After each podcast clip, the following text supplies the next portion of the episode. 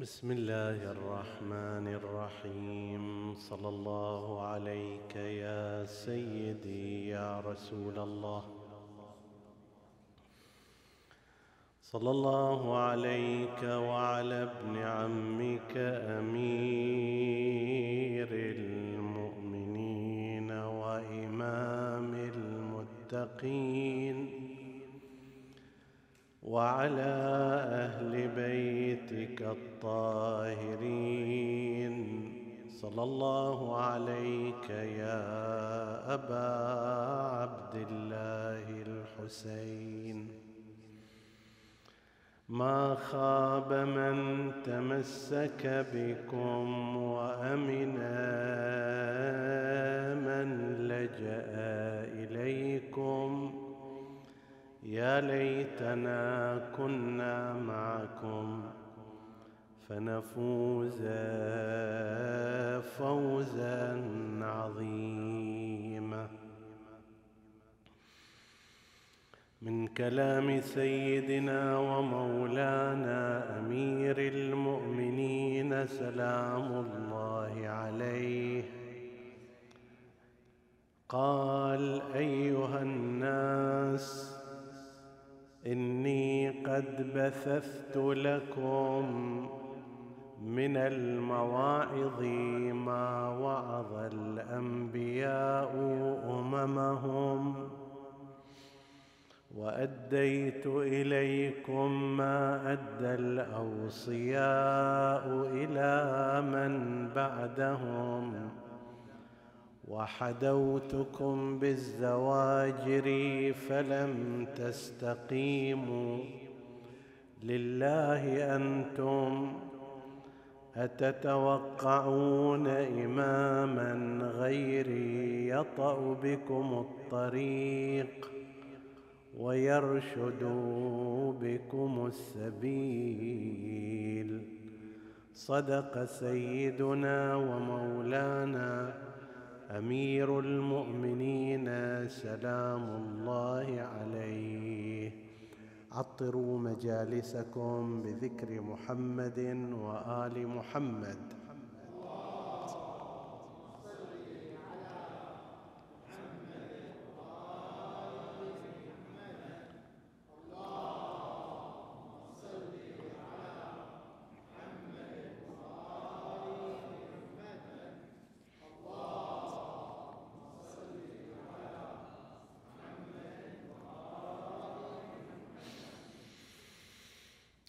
حديثنا بإذن الله تعالى يتناول موضوع حاجة الأمة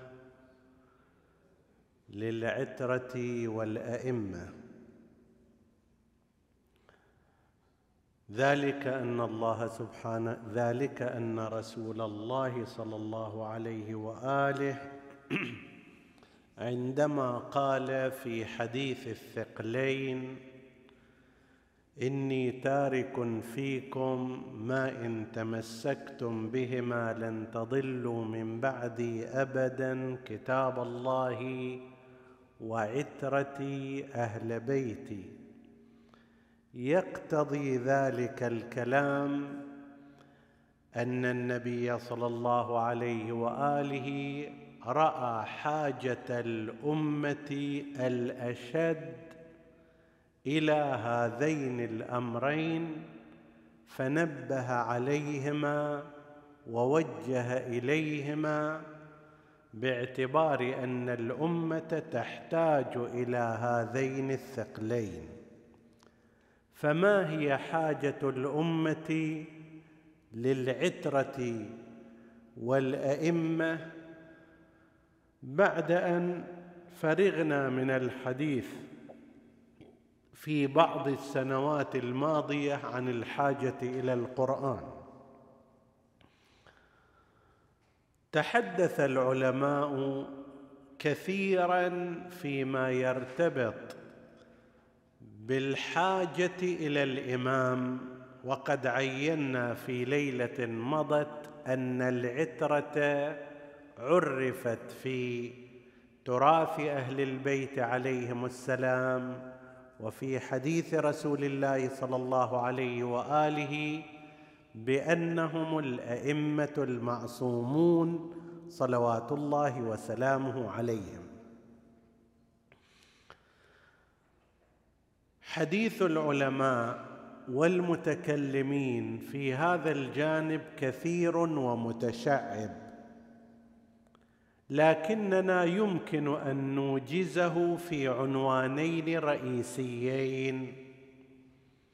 العنوان الأول نعبر عنه بالحاجة التشريعية.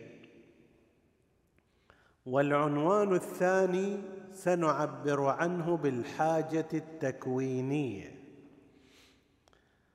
بالنسبة إلى العنوان الأول وهو الحاجة التشريعية. ينطلق الحديث فيها من أن الله سبحانه وتعالى عندما خلق هذا الخلق وجعلهم في هذه الدنيا لم يكن ذلك عبثا ولا اعتباطا وإنما كان ذلك من أجل أغراض ومن أجل غايات ولذلك يستنكر القرآن الكريم من يفكر أن أصل هذه الخلقة أو أن تفاصيل الحياة أمور يمليه يمليها العبث واللعب واللهو. فيقول أفحسبتم أنما خلقناكم عبثا وأنكم إلينا لا ترجعون؟ لا ليس الأمر كذلك. وإنما خلق هذا الإنسان من أجل غاية ومن أجل هدف. بعد الفراغ من هذه المقدمة هذا الهدف الذي خلق من أجله الإنسان إما أن يكون سهل التناول لكل الناس أو أن لا يكون كذلك وإنما يحتاج إلى من يدل عليه ويرشد إليه.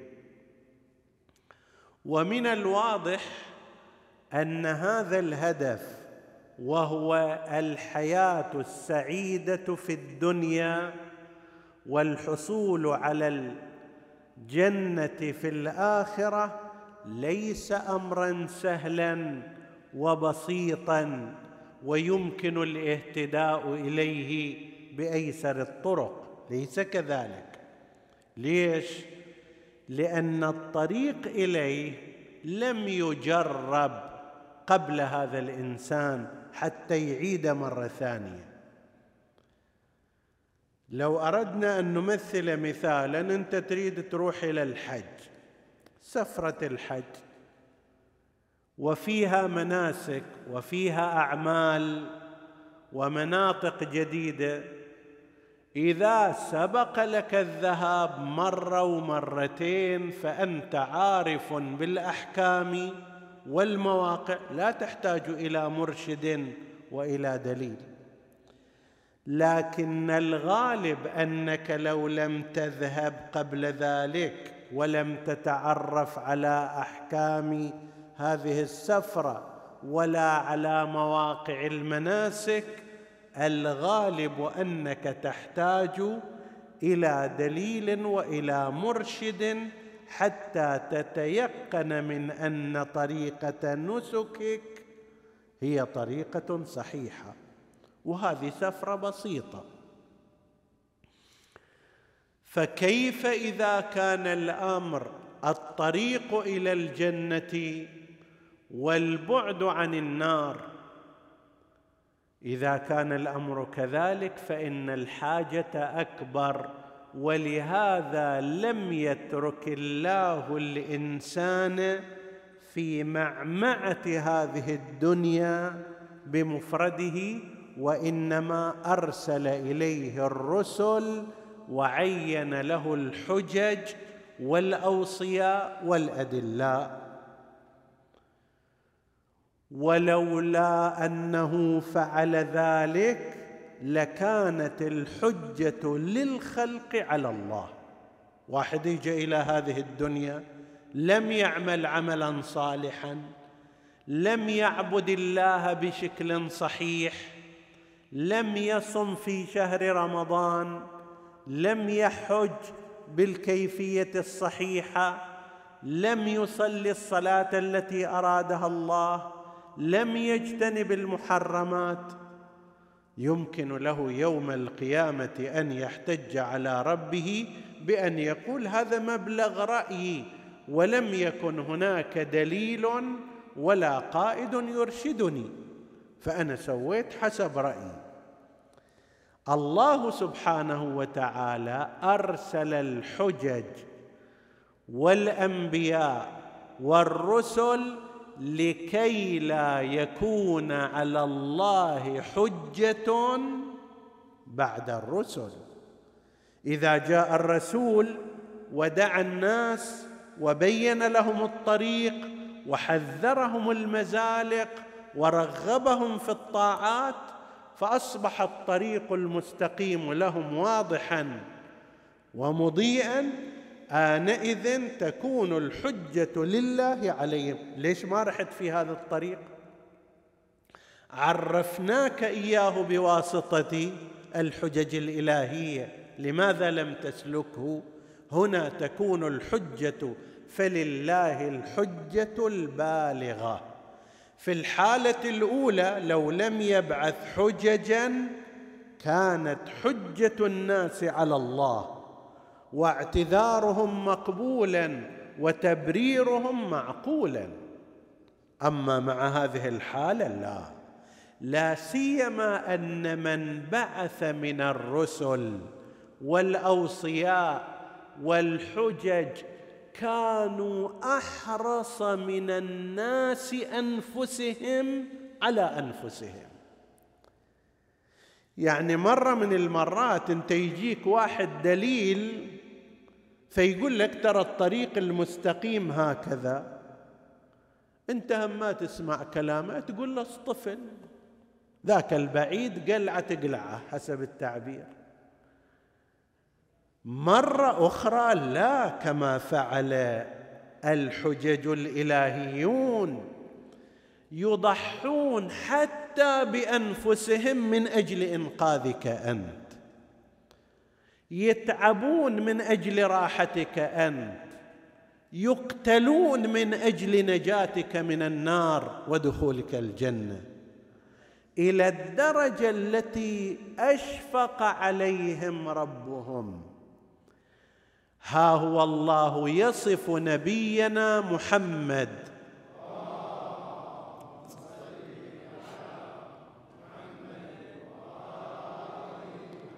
بأنه لقد جاءكم رسول من أنفسكم عزيز عليه ما عنتم يعز عليه عنتكم وتعبكم وزحمتكم كبيره على رسول الله أن واحد يتزاحم ويتعب ويتأذى. عزيز عليه ما عنتم حريص عليكم أنا وأمثالي قد نكون حريصين على المال وعلى مصالحنا الشخصية. رسول الله وأصفياء الله حريصون علينا. حريص عليكم بعد بالمؤمنين. هم رؤوف وهم رحيم. ذا كل واحدة إليها معنى الآن لسنا في صدد الحديث عنها. وإلى الدرجة التي يصفه القرآن الكريم عن كلام الله يقول فلعلك باخع نفسك على آثارهم إن لم يؤمنوا بهذا الحديث أسفا. يعني أنت باخع نفسك أسفا قاتل نفسك حزنا على آثارهم على أن يتبعوا الهدى أو لا يتبعوا. هل قد مزاحم نفسك؟ وحتى قال ونقل عنه ما أوذي نبي مثلما أوذيت. على شنو؟ علشان يحصل أموال شهرة سمعة كشخة؟ لا من أجل هداية هؤلاء الناس. وأمير المؤمنين عليه السلام وهو ثاني الحجج الإلهية يقول أما لولا حضور الحاضر. وقيام الحجه بوجود الناصر لألقيت حبلها على غاربها ولسقيت آخرها بكأس أولها ولألفيتم دنياكم هذه أهون عندي من عفطة عنز. لكن أنا ما أستطيع اسويها هالشكل يجون يهجمون على بيته ما يخالف. يضربون زوجته ما يخالف. يؤخرونه عن منصبه ما يخالف. من أجل أن يبقى كيان الإسلام ومن أجل أن يبقى نور رسول الله صلى الله عليه وآله بين الناس. وهكذا سائر المعصومين عليهم السلام. لماذا صار كما نقرأ في دعاء الندبه فقتل من قتل وسجن من سجن وأقصي من أقصي. ليش؟ هو كان يقدر الإمام الصادق والإمام الكاظم والإمام السجاد وغيره كل واحد يقعد في بيته مستور مكفوف يصلي صلاته ويعبد ربه إلى أن يأتيه نداء الموت تنتهي القضية. لكن لا. وين هذه البشر؟ وين هذه الناس اللي تحتاج إلى الهداية؟ لازم يتصدى لازم يروح لازم يتكلم. فكون هذه الحياة الإنسانية من أجل هدف وغاية يقتضي ذلك وجود إمام. إمام مو بالمعنى الخاص لا يعني من يؤم الطريق يقصده ويأتم به سائر الناس. قائد حجة نبي في صوره الأنبياء أو في عدم الأنبياء وصي من الأوصياء. هذا دورهم أنهم يقودون البشر لما يرضي الله عز وجل ويسعد حياتهم الدنيوية ويبلغهم جنة الله في الآخرة. هذا الدور الأساس للأئمة وللعترة ولذلك رأى رسول الله صلى الله عليه وآله أنه لا يخلف شيئا في الأمة أعظم من كتاب ربه ومن هذه العترة الهادية. طيب الإمام هنا هذا دوره الأصلي في توضيح الطريق إلى الله وفي قيادة الناس بذلك الاتجاه. غيره ما يقدر يسوي هذا.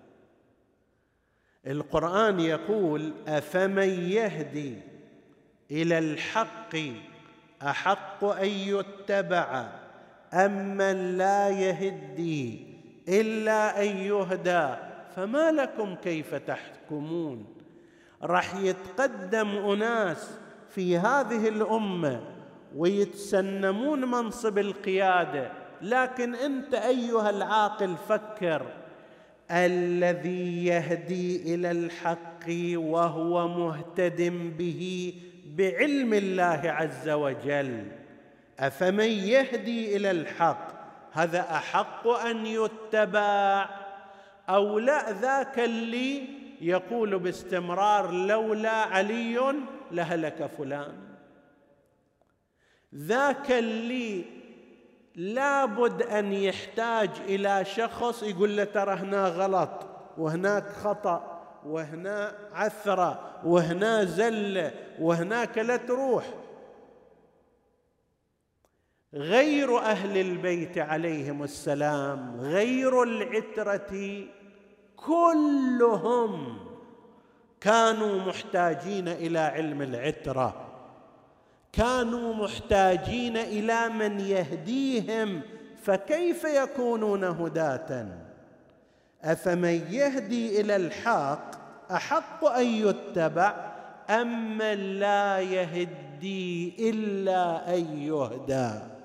ذاك هو نفسه يحتاج إلى من يهديه. ذاك يحتاج إلى من يرفع جهله. ذاك يحتاج إلى من يعلمه. فكيف يكون معلما وهاديا وهو محتاج في أكثر مسائله إلى إلى من يهديه وإلى من يعلمه؟ فما لكم كيف تحكمون؟ هسه هذه قراءة إلا أن يهدى. أفمن يهدي إلى الحق أحق أن يتبع ام من لا يهدي إلا أن يهدى. فيها قراءات هل هي يهدي بإدماج يهتدي ويهدي كما عليه بعضهم؟ يعني هذا لا يقدر يهدي ولا يقدر يهتدي بنفسه إلا أن يهدى. يعني لا عنده هداية لنفسه ذاتية ولا عنده هداية لغيره إلا بأن يهدى من قبل العالم. يعني إنسان غير عالم لا يستطيع أن يعلم لنفسه ولا أن يعلم غيره إلا بأن يأتي شخص آخر معلم له وهو آل محمد.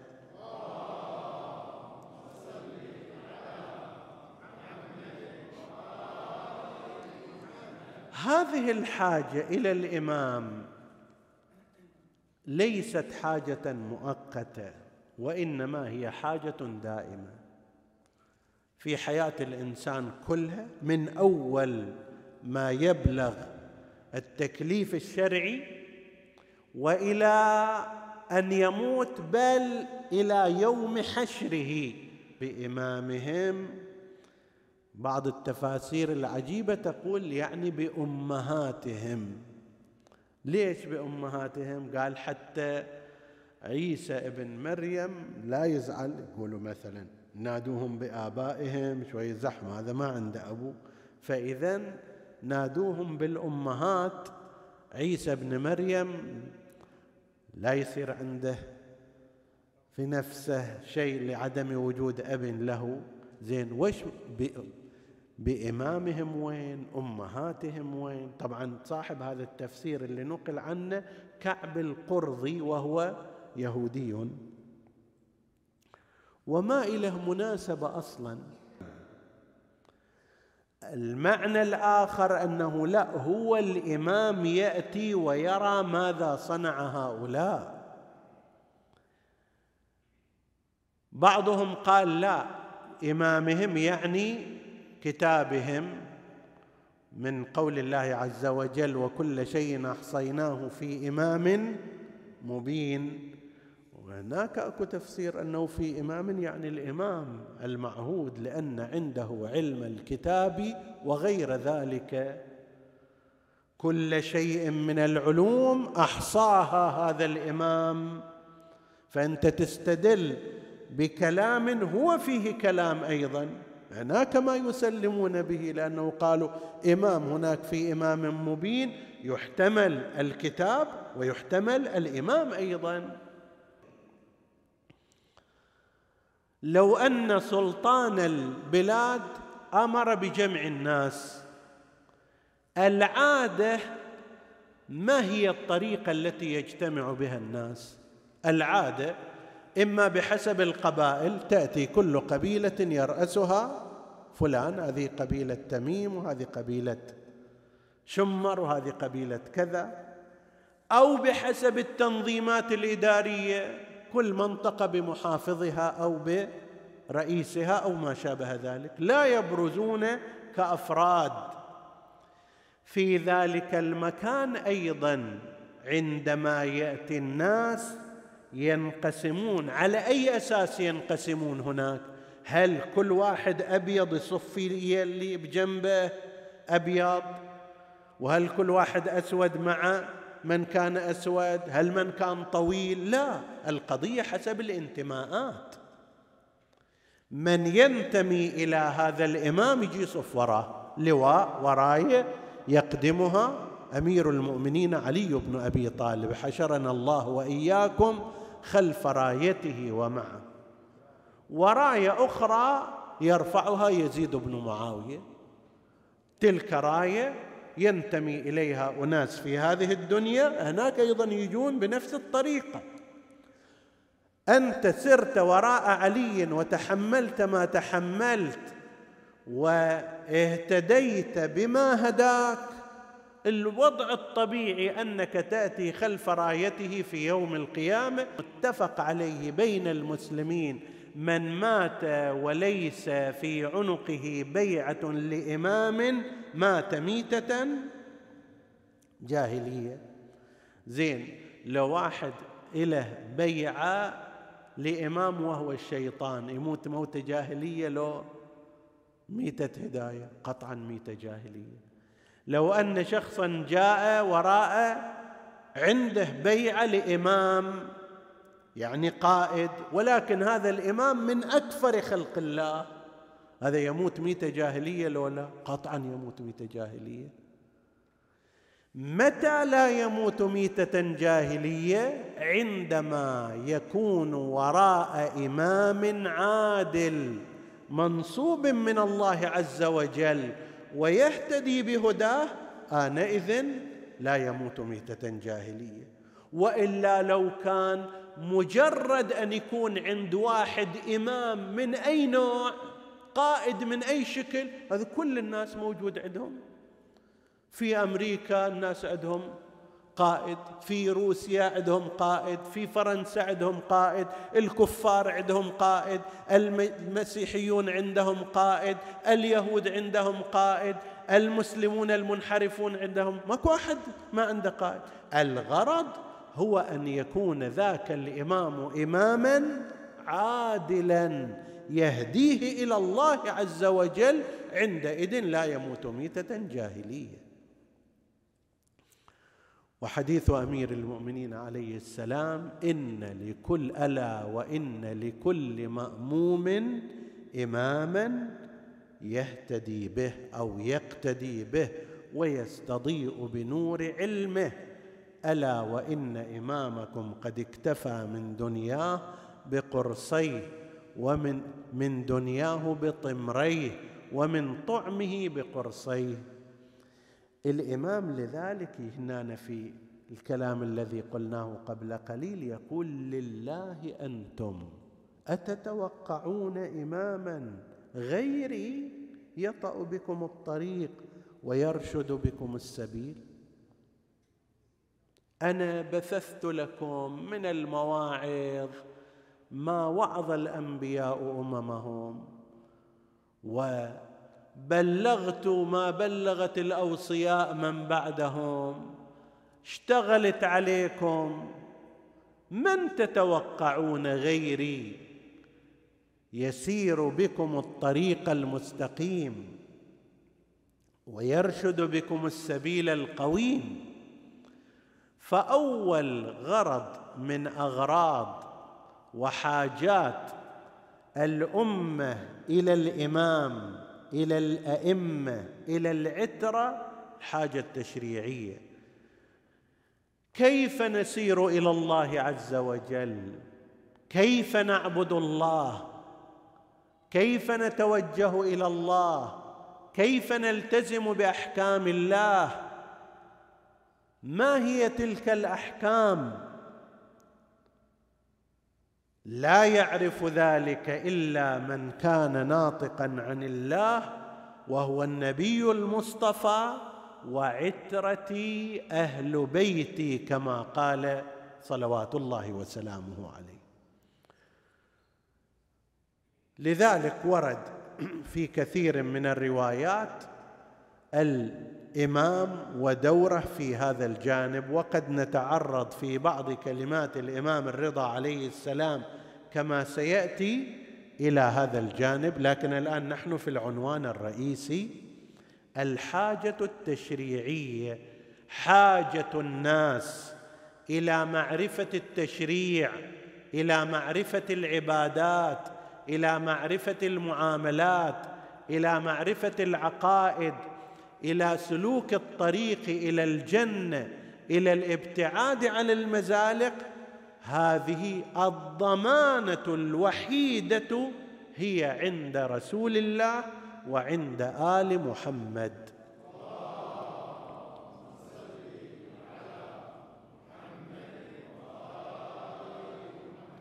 بمفاد الآية القرآنية المباركة التي تلوناها لم يحتج أئمة أهل البيت إلى أي أحد من الناس في أي علم من العلوم.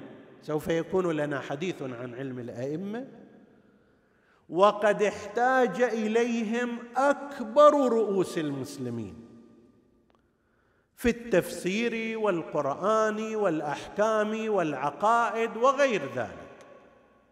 أفمن يهدي إلى الحق أحق أن يتبع؟ أم من لا يهدي إلا أن يهدى؟ فما لكم كيف تحكمون؟ هاي الحاجة الأولى الحاجة التشريعية.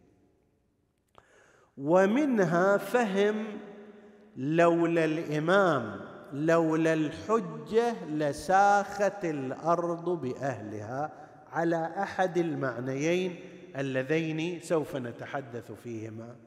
عندنا روايات في هذا الباب اللي تشير إلى ما ذكرنا منها ما روي عن الإمام الصادق عليه السلام أنه قال إن الله أجل وأعظم من أن يترك الأرض بغير إمام عادل. لأن فلسفة الخلق تنتفي. إذا إمام عادل ما موجود هذا خدش في حكمة الله في عظمة الله في جلال الله في غاية الخلق. يا رب أنت خلقت الخلائق وتركتهم هكذا من غير هاد ومرشد إنما أنت منذر يا رسول الله ولكل قوم هاد. يهدي القرن الذي هو فيه. شمعنى تتعطل هذه عندما تصل إلى زماننا؟ وهذا من من جملة ما يستدل به على وجود وبقاء واستمرار حياة الإمام صاحب العصر والزمان عجل الله تعالى فرجه الشريف. إن الله أجل وأعظم من أن يترك الأرض بغير إمام عادل. وفي حديث آخر عن الإمام الباقر عليه السلام قال والله ما ترك الله أرضا منذ قبض آدم إلا وفيها إمام يهتدى به إلى الله هو حجته على عباده. لا تبقى الأرض بغير إمام حجة الله على خلقه. منذ آدم إما إمام نبي ظاهر وإما إمام وصي. ما يمكن أن تكون أرض في أي مرحلة زمنية. من المراحل الزمنية خالية من حجة الله نبيا كان أو اماما لا يمكن ذلك على الإطلاق لأنه ينتهي إلى العبث ينتهي إلى خلاف حكمة الله عز وجل ينتهي إلى أن الله خلق خلقا ولو في الفترة الزمنية ثم تركهم من غير حجة. هؤلاء سوف يحتجون على الله ولا تصدق فيهم لكي لا تكون للناس على الله حجة بعد الرسل. لا هاي الحجة لهم على الله. فلا بد أن يكون في كل زمان هذا الأمر. وهكذا أحاديث أخرى ذكرها شيخنا الكليني أعلى الله مقامه في كتاب الكافي.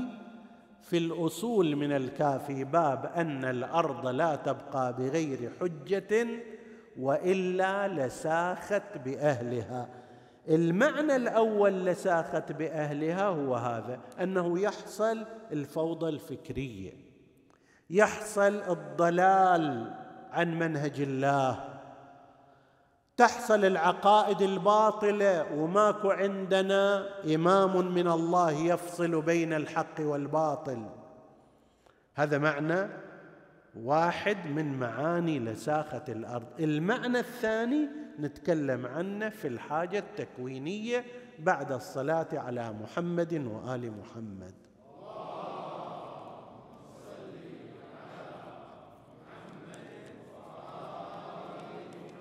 المعنى الآخر أن هناك حاجة في وجود الكون لوجود الحجة الالهي نبيا كان أو وصيا وإلا هذا الكون لا يبقى. أعيد. نفس هذه الأرض اللي عبر عنها في الروايات الكون بحسب تعبيرنا مربوط بمجموعة أمور في بقائه واستمراره. من تلك الأمور وجود الحجة الإلهي وجود النبي في زمان حضور النبي أو وجود الإمام في زمان عدم وجود النبي. راح أقرأ لك اولا بعض الروايات ثم أنظر لك ببعض التنظيرات حتى يرتفع الاستيحاش والتعجب وأقول لك أن هذا رأي يذهب إليه جملة من علماء الإمامية. من الروايات هكذا الرواية مذكورة أيضا في الكافي للكليني عن الإمام الرضا عليه السلام. الراوي يقول قلت لأبي الحسن الرضا أتبقى الأرض بغير إمام؟ الأرض تبقى تستقر تستمر بغير إمام لولا؟ قال لا لا تبقى. قلت الراوي فإنا نروي عن أبي عبد الله جدك الإمام الصادق أنها لا تبقى بغير إمام إلا أن يسخط الله على أهل الأرض. قال لا لا تبقى. اذا لساخت. الراوي يقول أنا قلت للإمام الرضا عندنا رواية أن الأرض لا تبقى إلا إذا كان الله ساخطا على العباد يعني تبقى الأرض مع سخط الله وغضبه على عباده. إمام الرضا قال له لا الأرض لا تبقى أصلا. وإذا ما كان الإمام ما كان الحجة ما كان النبي الحجة بين قوسين هنا مو فقط بمعنى الحجة القائم وإنما الحجة الالهي سواء كان نبيا أو كان اماما وسواء كان في هذا الزمان أو في زمان الإمام الصادق. قال لا لا تبقى لأنها عندئذ لو بقيت لساخت تنتهي تدمر تنعدم. تقول هذا شيء عجيب. في رواية أخرى عن الإمام الباقر عليه السلام أنها لو خليت من الحجة فإنها تمور بأهلها كما تموج البحار. شلون البحر لما يقلب حسب التعبير بأمواج الدنيا هكذا. طيب هذا المعنى شوية فيه غرابة. نقول في ذلك لا يشك المسلمون أن ملائكة الله عز وجل موكلون في هذا الكون بمهمات كثيرة بمقتضى ما ورد في القرآن فالمدبرات أمرا بمقتضى ما ورد في الروايات الكثيرة المعروفة بين الفريقين. بمقتضى ما دل على أن مثل إسرافيل بيده إنهاء الكون بعد إذن الله بنفخة واحدة وبيده إعادة الكون بنفخة واحدة ثم نفخ فيه أخرى فإذا هم قيام ينظرون. هذا كله بيد إسرافيل بعد إذن الله عز وجل. الملائكة إذن يتصرفون في الكون يدبرون الكون بقاء الكون على حاله هذا. لهم مدخلية فيه بعد إذن الله تعالى لهم في ذلك. هذا صحيح ولا لا؟ هل تعتقد أن إسرافيل أقيم عند الله وأفضل عند الله من سيد الأنبياء محمد.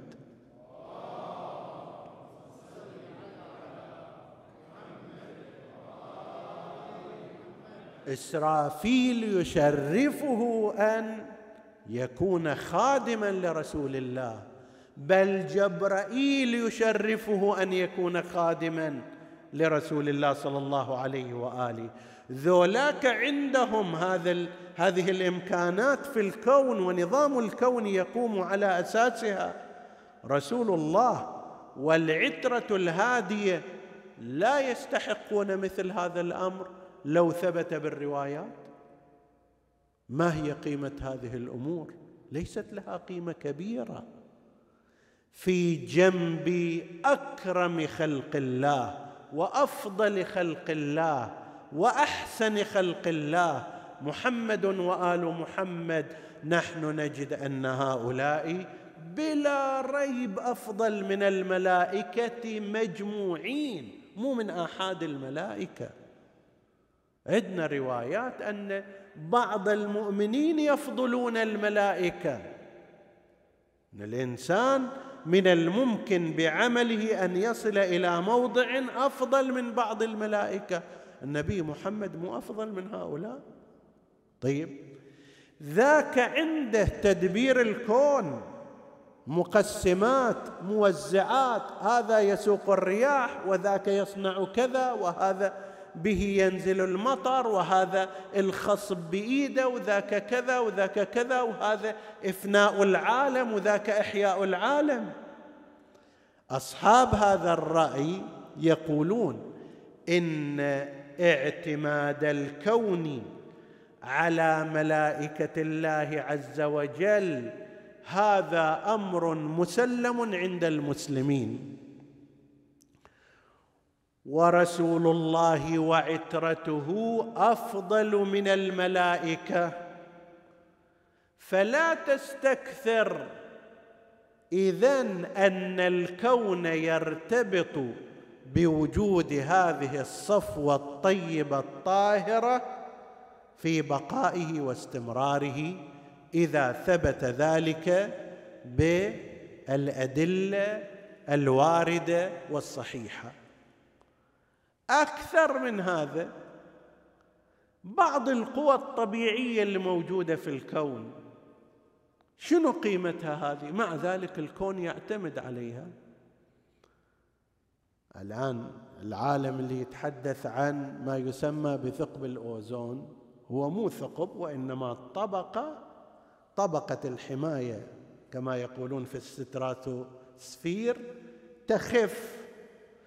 فهذا مثل درع إلى الأرض إذا صار رقيق تنفذ الإشعاعات الضارة وتسبب مشاكل وسرطانات وتأثر على النباتات وتأثر على التربة وتعفس الدنيا حسب التعبير. الله سبحانه وتعالى جعل هذه الطبقة بسمك معين هذه تحمي الكون من الانهيار ومن الاندثار ومن الفناء وهذه قوة بسيطة هذا غلاف الأوزون كما يسمونه. هالطبقة هذه تحملكم شنو قيمة هذا؟ وما هو في قياسه إلى رسول الله صلى الله عليه وآله؟ وما هو في قياسه إلى أمير المؤمنين وأئمة الهدى؟ وكيف صار ارتباط هذا الأمر بحماية الكون وبقاء الكون أكثر وأهم من ارتباطه بوجود رسول الله صلى الله عليه وآله. وعلى هذا المعدل كثير من الموارد الله سبحانه وتعالى جعل قوى عنده هينة لا شيء. عظمة الله في هذا أعظم مما نتصور. بحيث لو عمد سبحانه وتعالى إلى بعض الأشياء الصغيرة هذا الكون كله ينتهي في لحظة واحدة. هذا المنبر اللي أنا قاعد عليه وذاك الكرسي اللي أنت قاعد عليه وهالأرض اللي نستقر عليها تعتمد على شيء بسيط وهي قدرة الالتصاق بين الجزئيات الصغيرة لكل مادة. هذا الخشب لو كان هذه المقادير المليمترات وما هو أصغر منها والذرات لو كانت تتنافر فيما بينها لا تتجاذب لا تلتصق بحيث كل مثلا مقدار صغير جدا لا يلتصق بالمقدار الآخر. هذا ما يصير منبر يصير ينهار. الجبل العظيم لو كان التركيب ماله مثل التراب اللي حبات الرمل ما ملتصقة فيما بينها. يبقى جبل؟ لا يبقى جبل. شوية ريح الطيرة. ماذا لو أن الله سبحانه وتعالى نزل خ... نزع خاصية الالتصاق بين المواد هذه؟ شوف بناية الأمم المتحدة ما أدري. من كذا من الطبقات تحول هكذا مثل الشمعة اللي تذوب تحت. الجبل العظيم كله يصير كومة تراب. هذه القدرة البسيطة أنه شيء يلتصق بشيء. لو بس هذه انشالت انتهى الموضوع. زين هذه يرتبط الكون كله بها عادي جدا. أن يرتبط الكون في بقائه واستقراره بأفضل خلقه وأعظم بريته وأنواره المحدقة بعرشه من الأزل. هذا لا يرتبط وهذا يستغرب هذا أمر غير طبيعي. لذلك ذهب بعض علمائنا وهو تيار موجود عند أهل الكلام إلى أن الإمام الحجة الإلهي سواء كان نبيا أو كان اماما يرتبط به بقاء الكون لولا الحجة لساخت الأرض بأهلها يعني انتهى النظام الكوني. هناك بعض العلماء لا يتفقون مع هذا الأمر ومنهم من القدامى مثلا شريف المرتضى علم الهدى رضوان الله تعالى عليه. أحد علمائنا الكبار وهناك بعض العلماء المعاصرين أيضا لكن هذا أيضا تيار فكري وعقائدي موجود أنه كما أن الحاجة للإمام للحجة قلنا الإمام ما يشمل النبي إني جاعلك للناس إماما. الحاجة للحجة الإلهي. كما هي حاجة تشريعية هي أيضا حاجة تكوينية. هذا على وفق ما وردت به الروايات. وكما قلنا هناك رأي آخر يحمل لولا الحجة لساخت الأرض بأهلها على المعنى الفكري على المعنى التشريعي. يعني حصلت فوضى فكرية حصلت مشاكل في العقيدة حصلت مشاكل في الأحكام وهكذا. نحن لا نستغرب أن الله سبحانه وتعالى يكرم أولياءه بأن يجعل تغيرات في الكون ترتبط بهم. المعجزات في الأنبياء واضحة. الكرامات في حق الأوصياء واضحة.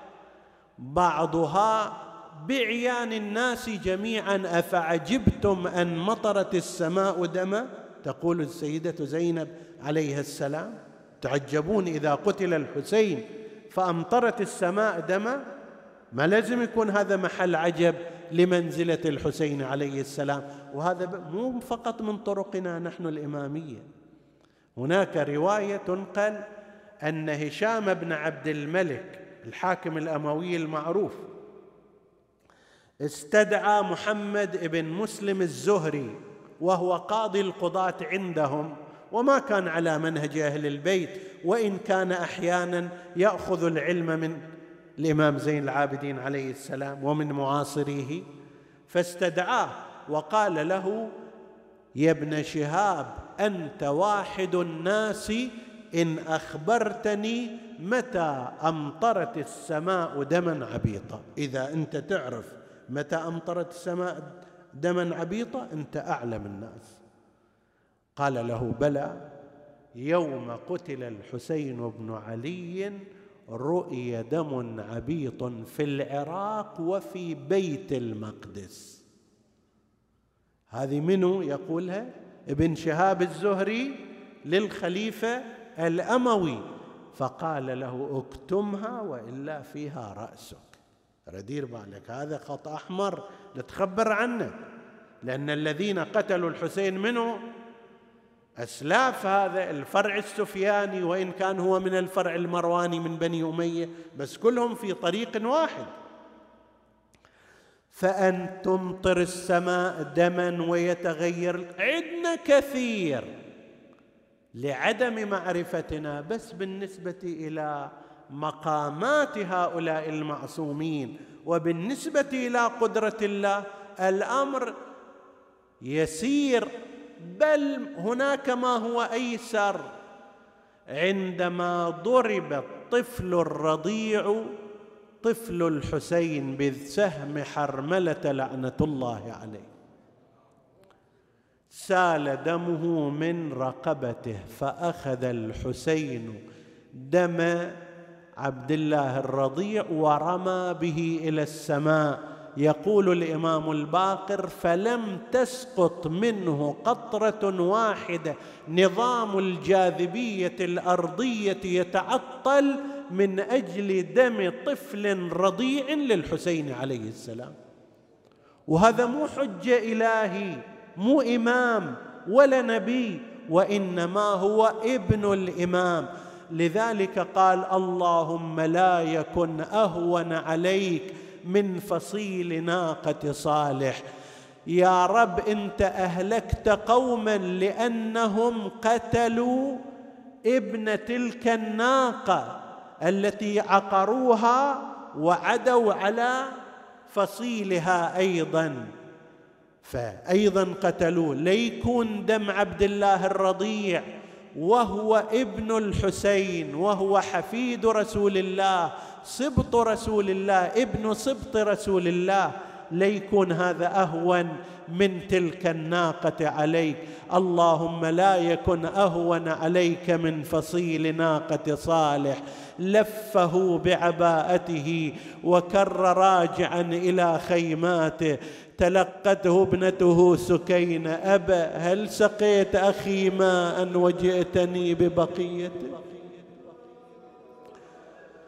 ساعد الله قلبك أبا عبد الله. قال لها بني خذي أخاك مذبوحا من الوريد.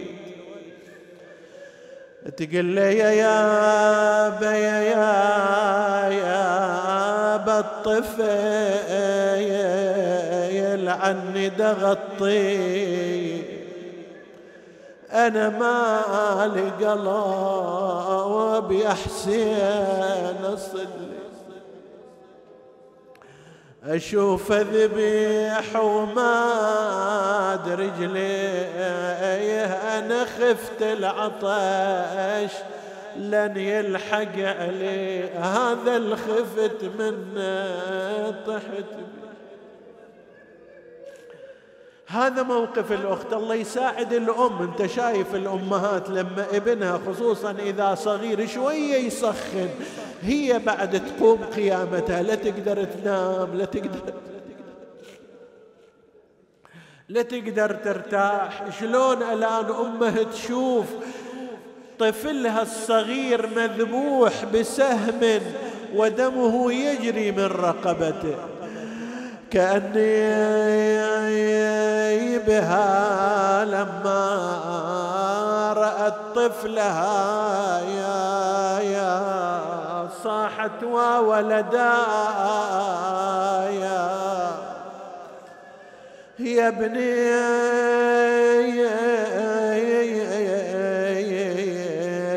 يا ابني يا عبد الله على فرقك. أنا صبري فنايا ودرا ثداياك يا دين. شو مسوي له أنت حرملة؟ يا دين يا دين. قل الحرملة وياك. يا بل الماء يا حين شبحت عيناك نيشن عليك بسهم ورداك يا ابويا يا ابني تسر قلبي بشرتك سر خاطري مذبوح. شفته يا شنو الذنب يا ابن العملته بعدك صغير ما ارتكبت شيء شنو الذنب يا ابن العملته عطشان ولسانك دلعته مرملا ومذرأته أمه أعولا تدعو بصوت صدع الجلمدى تقول عبد الله ما ذنبه؟ منفطما آياب بسهم الردى. نسألك اللهم وندعوك باسمك العظيم الأعظم الأعز الأجل الأكرم يا الله.